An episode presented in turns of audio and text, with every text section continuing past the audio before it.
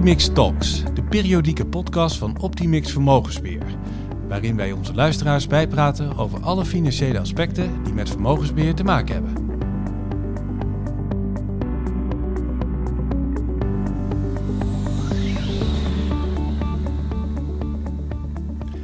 Vandaag hebben wij een speciale gast. Dat is Arno Biemans van Cro Furderer. Arno, kan jij jezelf even voorstellen aan onze luisteraars en misschien ook wat vertellen over jullie bedrijf? Ja, zeker. Uh, hartelijk dank. Uh, Arno Biemans, uh. Ehm, we zijn een accountancy-organisatie um, in de brede zin des woords. Um, we zijn onderdeel van een internationaal netwerk met een global presence. nummer 7 netwerk van de wereld ongeveer. Um, in Nederland wij, uh, zijn we uh, actief in, in uh, verschillende steden, waaronder Amsterdam en Eindhoven. We bieden onze diensten aan aan een brede groep van, van cliënten, zowel nationaal als internationaal. Um, ik zelf richt me met name op fondsvorming, vastgoed en vermogende particulieren, die ik ook in een brede context adviseer over de fiscaliteit en structureringen. Helder. Vandaag dus een wat ander onderwerp dan u tot nu toe uh, gewend bent van ons. Tot nu toe hebben we het altijd over beleggen gehad. Vandaag wat meer over de fiscaliteit. Um, kun je iets vertellen, Arno, over huidige en toekomstige uh, ja, fiscale thema's en topics voor ja, vermogenden? En daarbij kijken we naar particulieren en ondernemers. Uh, zeker. de thema's die we met name op de agenda zien staan is, is transparantie. Uh, daar hebben we natuurlijk al verschillende wetgevingen van voorbij zien komen. En daar zullen we ook in de toekomst nog wel meerdere uh, uh, voorstellen voor gaan zien. Ehm, het is spannend wat er gaat gebeuren rondom de coalitievorming. je ziet dat daar wel druk zit, ook weer op een vorm van transparantie en het uitstellen van belastingheffing. Ehm, dat dat wellicht niet langer meer mogelijk is of dat dat wordt beperkt naar de toekomst toe. Uh, er ziet druk ontstaan op uh, tarivering. Uh, dus dat is box 2. Is, zien we natuurlijk licht zien toenemen de afgelopen jaren. Ehm, box 3 is heel veel discussies over. Dus het fiscale landschap voor vermogende particulieren ehm, zie je toch wel wat verschuiven. Ja, nou helder. Dat zijn denk ik mooie topics om eens wat uit te gaan diepen in, de, in deze podcast. Um, je begon met, met transparantie. Kan je daar misschien wat meer achtergrond in geven hoe, hoe dat, uh, waar dat vandaan komt? Uh, zeker. Uh, in 2010 is dat begonnen met de FATCA-wetgeving vanuit Amerika. Die kennen we. Die formulieren moeten we vaak invullen. daar hebben jullie inderdaad mee te maken. en jullie klanten hebben ermee te maken. die moeten middels die formulieren aangeven of ze kwalificeren als US person, Amerikaans belastingplichtige. Even voor de duidelijkheid, waar staat FATCA voor? FATCA staat voor Foreign Account Tax Compliance Act. Uh, en dat is uh, wetgeving dus die Amerika is aangenomen. Echt Amerikaanse wetgeving uit 2010. in eerste instantie keek de wereld er wat sceptisch tegenaan. Van moeten wij gaan voldoen aan wetgeving die in Amerika is aangenomen. En dus ook in Amerika van toepassing is. Maar Amerikanen hebben dat toch op ingenieuze wijze. Hebben ze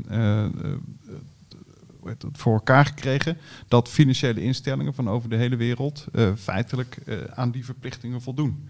En de verplichtingen die bestaan uit voor financiële instellingen uit het identificeren van uh, achterliggers, van rekeninghouders. Ehm, Amerikanen daaruit um, selecteren en over de bankrekeningen, de saldi van die Amerikanen, inclusief um, de gegevens van die specifieke Amerikanen rapporteren aan de IRS. En die rapportage die kunnen financiële instellingen verrichten via de Nederlandse Belastingdienst. En dat komt omdat Nederland een uh, verdrag heeft gesloten met de Verenigde Staten.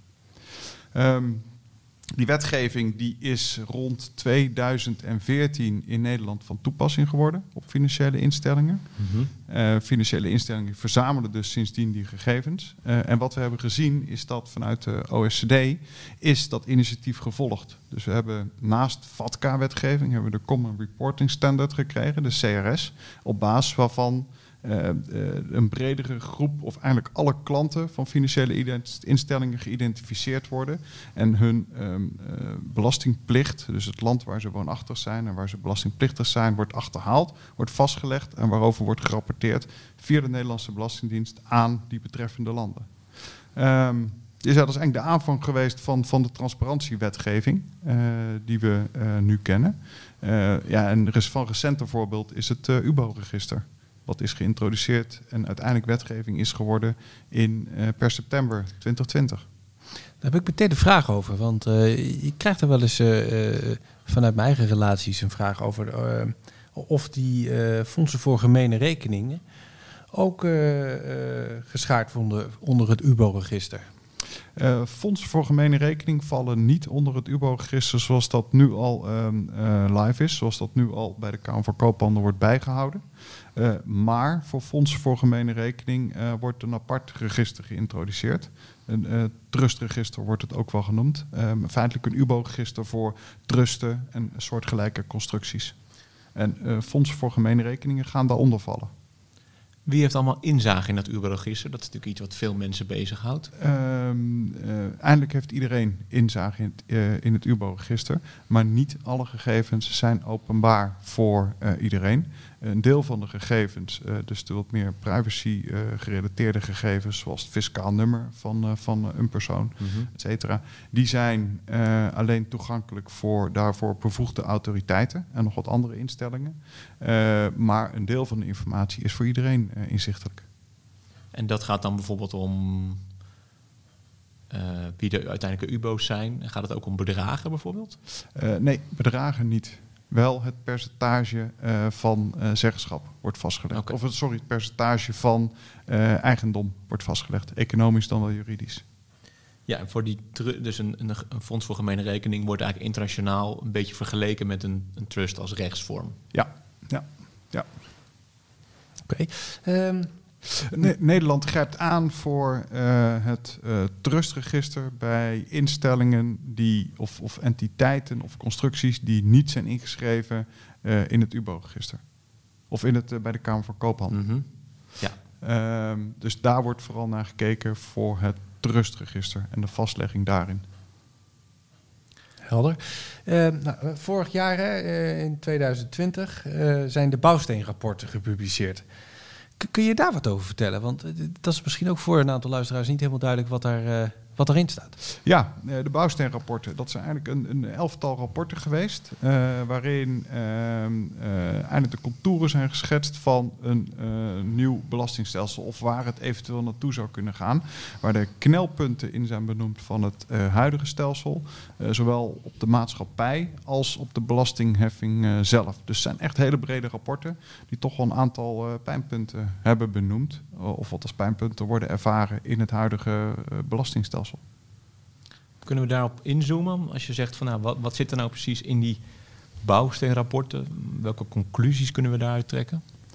Uh, voor uh, ondernemers en vermogende particulieren. Nou, de eerste conclusie uh, die de bouwsteenrapporten hef, trekken, is dat de belastingheffing op arbeid de laatste decennia is toegenomen, terwijl de belastingheffing op vermogen juist is afgenomen.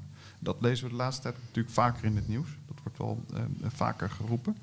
Uh, Nederland behoort tot de Europese landen met de laagste belastingheffing op vermogen en vermogenswinsten. Het uh, huidige box 3-stelsel wordt daarbij als, als onrechtvaardig ervaren. Dus daar zit ook wel een zekere tegenstrijdigheid in.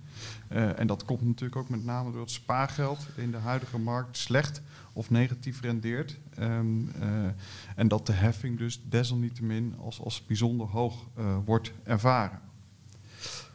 Uh, vastgoed daarentegen en, en de vermogenswinsten die op vastgoed zijn behaald, en met name dan vastgoed natuurlijk wat in box 3 is onderge, ondergebracht, ja, die worden weer eigenlijk effectief niet of bijzonder laag in de heffing uh, betrokken. Dus daar zit een enorme discrepantie in.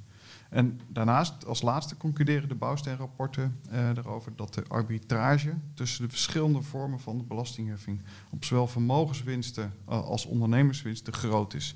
Dus je ziet naast die arbitrage tussen box 3 en box 2, uh, waar we natuurlijk graag mee, mee, mee spelen, zie je ook een arbitrage tussen uh, arbeidsinkomen als um, box 1 uh, ondernemer, dus ondernemer in privé, dan wel een onderneming die wordt vormgegeven of uitgeoefend middels een BV.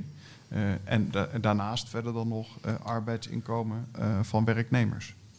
Dus de, en dat ziet dan weer op de box 2 uh, vormgeving, die daartoe heel veel mogelijkheden biedt.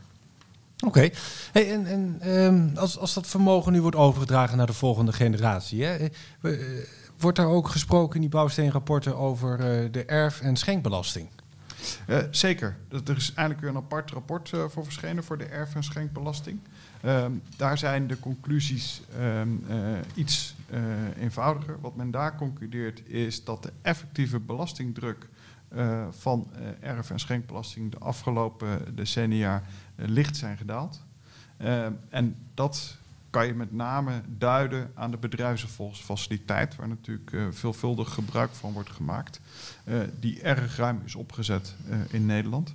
dat is ook tevens dan meteen weer de conclusie van het rapport, dat de bedrijfsvolksfaciliteit toch ook alweer erg ruim is in Nederland. Um, wat tevens in de rapporten staat, is, is, dat de erf- en schenkbelasting juist als middel wordt beschreven om vermogensongelijkheid te verminderen. Um, en dus, dus de erf- en schenkbelasting wordt, wordt echt als, als, als middel uh, daartoe gezien. Oké. En, en, ja, zijn er eigenlijk al elementen van dat bouwstenenrapport nu al te zien? Van misschien dat de afgelopen jaren dingen zijn gewijzigd of doorgevoerd, die ook in die, uh, in die rapporten naar voren komen? Uh, nee, ten eerste, voor, voor als je specifiek vraagt over de erfverschenkbelasting, uh, nee, nog niet. Uh, maar continu zie je eigenlijk weer een discussie opkomen rondom die bedrijfsopvolgsfaciliteit. Mm -hmm. enerzijds jurisprudentie. Wanneer valt er wel iets onder de bedrijfsopvolgsfaciliteit, met name rondom vastgoed? Is er sprake van een onderneming? Uh, dan wel is er geen sprake van een onderneming. Nou, dat speelt zich een beetje af rond, rondom uh, vastgoedactiviteiten. Uh, mm -hmm. kijken we naar die arbitrage en de mogelijkheid tot uitstel van inkomstenbelasting en, en ondernemingswinsten. daar zien we natuurlijk van een veelgebruikte structuur is het uitlenen van middelen van de vennootschap aan privé. Ja. En vervolgens beleggingen die plaatsvinden in box 3. Dus de aankoop van vastgoed in box 3. Uh, ja, daar zijn de eerste uh, maatregelen zijn die van voorgesteld. En dat is wetsvoorstel excessief lenen. Ja. Ehm, ja, en dat, dat is, dus, in die gaat in 2023, hè, geloof ja, ik. 2023. is een jaar uitstel gekomen? Ja, is een jaar uitstel gekomen. zou effectief moeten zijn eind 2023, dus in werking treding 1 januari 2023, uh, effectief feitelijk eind januari of eind um, uh, 2023. Um, en ondernemers of BV's kunnen niet meer dan 500.000 euro uitlenen aan privé. Het meerdere wordt geacht dividend te zijn. Dus dat is ook concreet wat een actiepunt zou kunnen zijn voor een DGA die nu meer heeft geleend aan zichzelf, om het zo uh, te noemen. Terwijl dat natuurlijk net iets anders werkt technisch. Daar zou je dus, die vijf ton is echt kritisch. Daar moet je onder zitten voor die datum. Ja. Anders moet je langs de kassa. Uh, anders moet je uh, langs de kassa. Daar komt het, daar komt het op neer. Er zijn verschillende wijzen om ermee om te gaan. langs de kassa te gaan, dan lijkt de lening tussen voor box 3 in, in, in, stand te blijven. Met andere woorden, zit er nog wel een box 3 besparing in in de toekomst. Maar het is in ieder geval zaak om er kritisch naar te kijken als er meer dan 500.000 euro is geleend vanuit een BV. Om te bekijken wat de mogelijkheden zijn en wat de verschillende effecten daarvan zijn. En als je kijkt naar de verschillende politieke programma's, hè, wordt daar nog over gesproken, over deze wet excessief lenen? Uh, zeker. Uh, een aantal politieke partijen uh, die zeggen, die vinden, zijn eigenlijk van mening dat dit niet ver genoeg gaat. dat de drempel van 500.000 euro verder naar beneden gebracht zou moeten worden. Okay. tot 200.000 euro bijvoorbeeld. Dat is toch een behoorlijke, behoorlijke wijziging nog? Uh, dat zou een behoorlijke verdere versobering zijn uh, van de fiscale mogelijkheden. Ja. Afwachten hoe de coalitie zich daar ontwikkelt. Wellicht gaan we daar de komende maanden meer van horen. In ieder geval uh, tot nu toe nog weinig van gehoord. We hebben tot nu toe weinig van gehoord, absoluut. maar ja, er zullen zeker ontwikkelingen gaan komen op dat vlak. Kijken we nog even naar die erf- en schenkbelasting. Ehm, hoe zitten daar ja, de partijen in Den Haag in de wedstrijd? voor de erf- en schenkbelasting zie je dat er eigenlijk ook wel gekeken is naar, naar de bouwsteenrapporten. Uh, dat zou een lichte verhoging uh, kunnen betekenen van de, de tarieven zoals die nu gelden. Dan zie je toch wel dat een aantal partijen dat hebben voorgesteld. veel partijen stellen voor om een, een, verstobering van de bedrijfsfaciliteit te komen. en concreet binnen die voorstellen is het duidelijk maken dat verhuurd vastgoed niet kan delen in de bedrijfsfaciliteit. Uh, en het verder aftoppen van de vrijstelling. Dus het maximeren van de vrijstelling. Uh, weliswaar aangevuld met een verruimende mogelijkheid van uitstel van betaling van mm-hmm. de erfbelastingclaim. Ja, want die is toch wel, als je de, de successietarieven bekijkt, zie je dat ja, tot 128.000 ongeveer kinderen 10% heffing hebben, kleinkinderen 18 en overige verkrijgers dan 30. Ja. En boven die 128 is dat voor kinderen 20, voor kleinkinderen 36. En voor overige verkrijgers 40 procent. Dus dat zijn behoorlijke tarieven. Ja. Uh, de bedrijfsopvolgingsfaciliteit, zoals je die zo even noemde. Daar zie je over ruim 1,1 miljoen heb je 100% vrijstelling op die tarieven. Ja. En net daarboven heb je 83% vrijstelling. Dus daar zit wel inderdaad een discrepantie in dat ondernemingsvermogen wel zeer een stuk gunstiger kan worden uh, overgedragen na, na, een overlijden dan, uh, dan zeg maar gewoon vermogen. Ja, ja. ja en, en, en mocht je daar nog gebruik van kunnen maken, of mocht je daar gebruik van kunnen maken, ja, dan is het eigenlijk wel zaak om er nu kritisch naar te laten kijken wat de mogelijkheden zijn. Want het kan zijn dat het in de toekomst wordt versoberd. of gedeeltelijk wordt afgeschaft, dan wel dat er een vorm van een uitstel van betaling voor in de plaats komt geheel of gedeeltelijk. Dat is ook concreet wat jij nu jouw vermogende cliënten adviseert. Om, dat is natuurlijk altijd lastig, want je, je, je weet één ding zeker, dat tijdens deze wedstrijd de spelregels worden veranderd. En dat doet de overheid hè, ja. op basis van allerlei uh, argumenten. Mm -hmm. uh, ja, ga je dan nu al vermogen overdragen met de huidige tarieven, dan, dan ga je eigenlijk, je wil niet te veel je beleid bepalen op mogelijke veranderingen in de fiscaliteit. Dat is natuurlijk een moeilijk punt. Dat is, dat is zeker een lastig punt. Um, uh, maar daarom is het wel goed om er nu kritisch naar te kijken. En, en uh, er goed te laten adviseren over de mogelijkheden nu. en of die er nu acuut zijn, dan wel in de nabije toekomst zijn.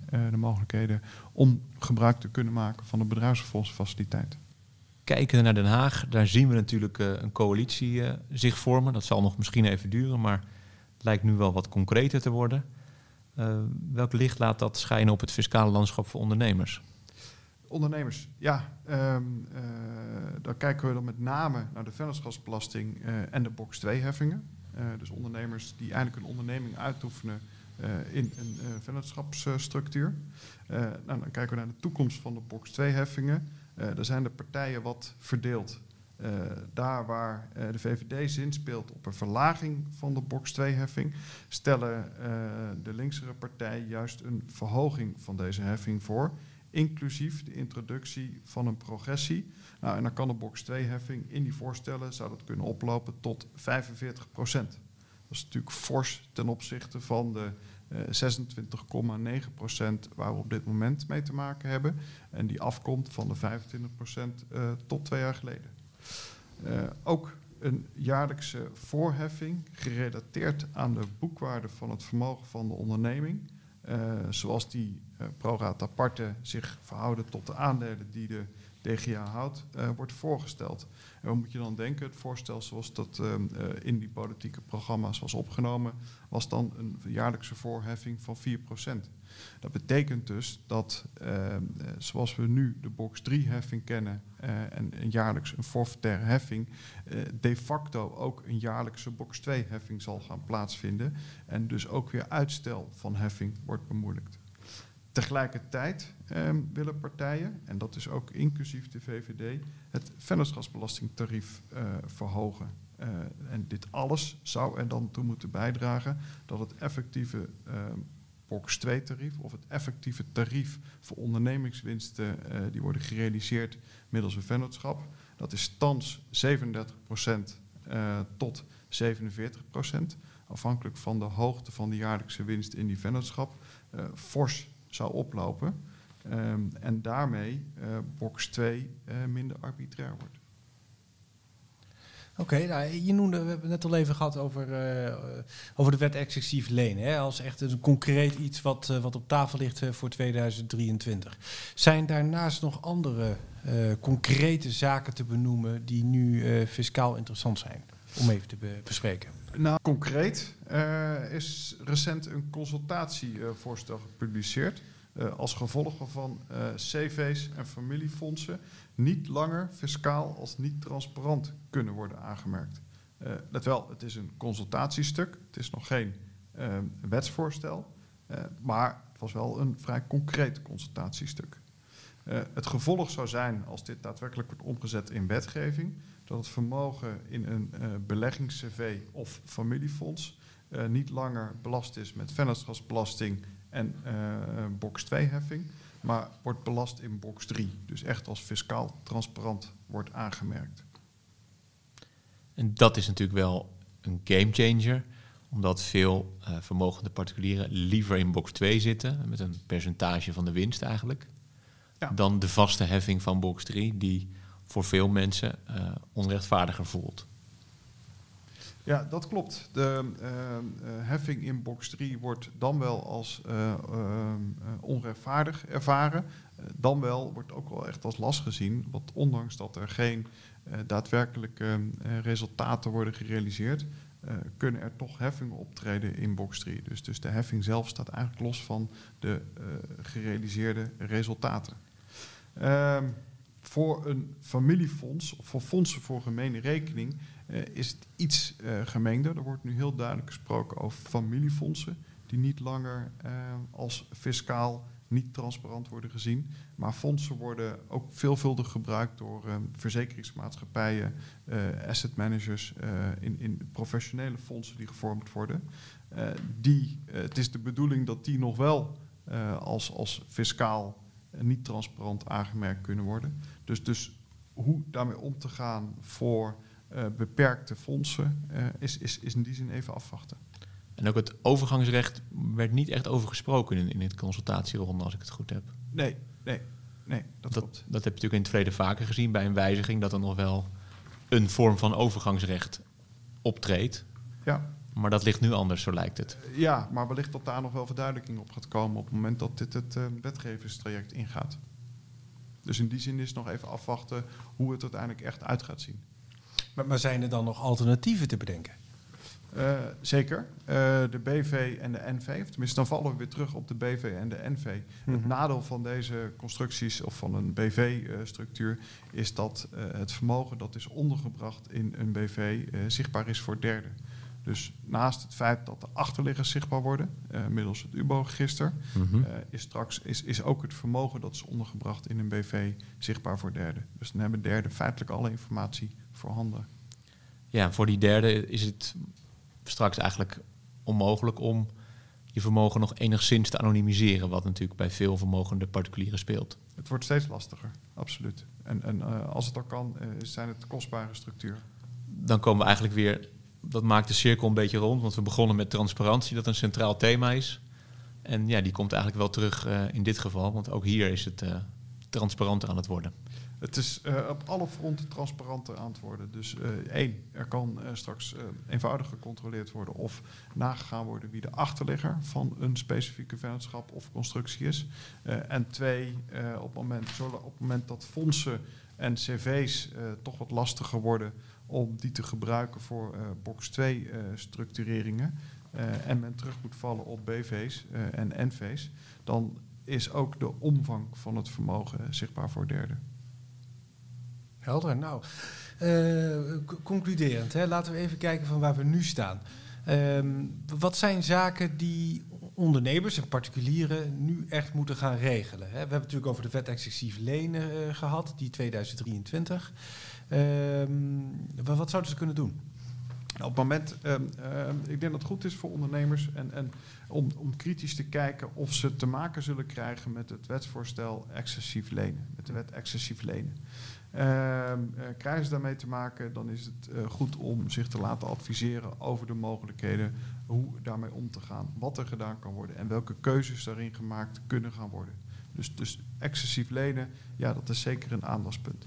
Het tweede punt uh, uh, waar iets mee gedaan zou kunnen worden, is op het moment dat uh, ondernemers in een cv zitten, of beleggers in een cv zitten of in een fonds voor gemene rekening zitten, waarbij die nu als niet transparant wordt aangemerkt, is ook het wetsvoorstel of, of de voorstellen daartoe nauwlettend in de gaten te houden.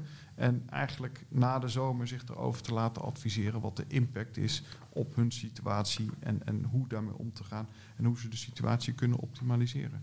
Dus met name de ontwikkelingen in de gaten te houden. Uh, en ik denk dat het najaar een, mooi moment is om beide elementen uh, tegen het licht te houden uh, en daarover advies in te winnen. Dan zal er ook vermoedelijk wat meer duidelijkheid over de coalitie zijn.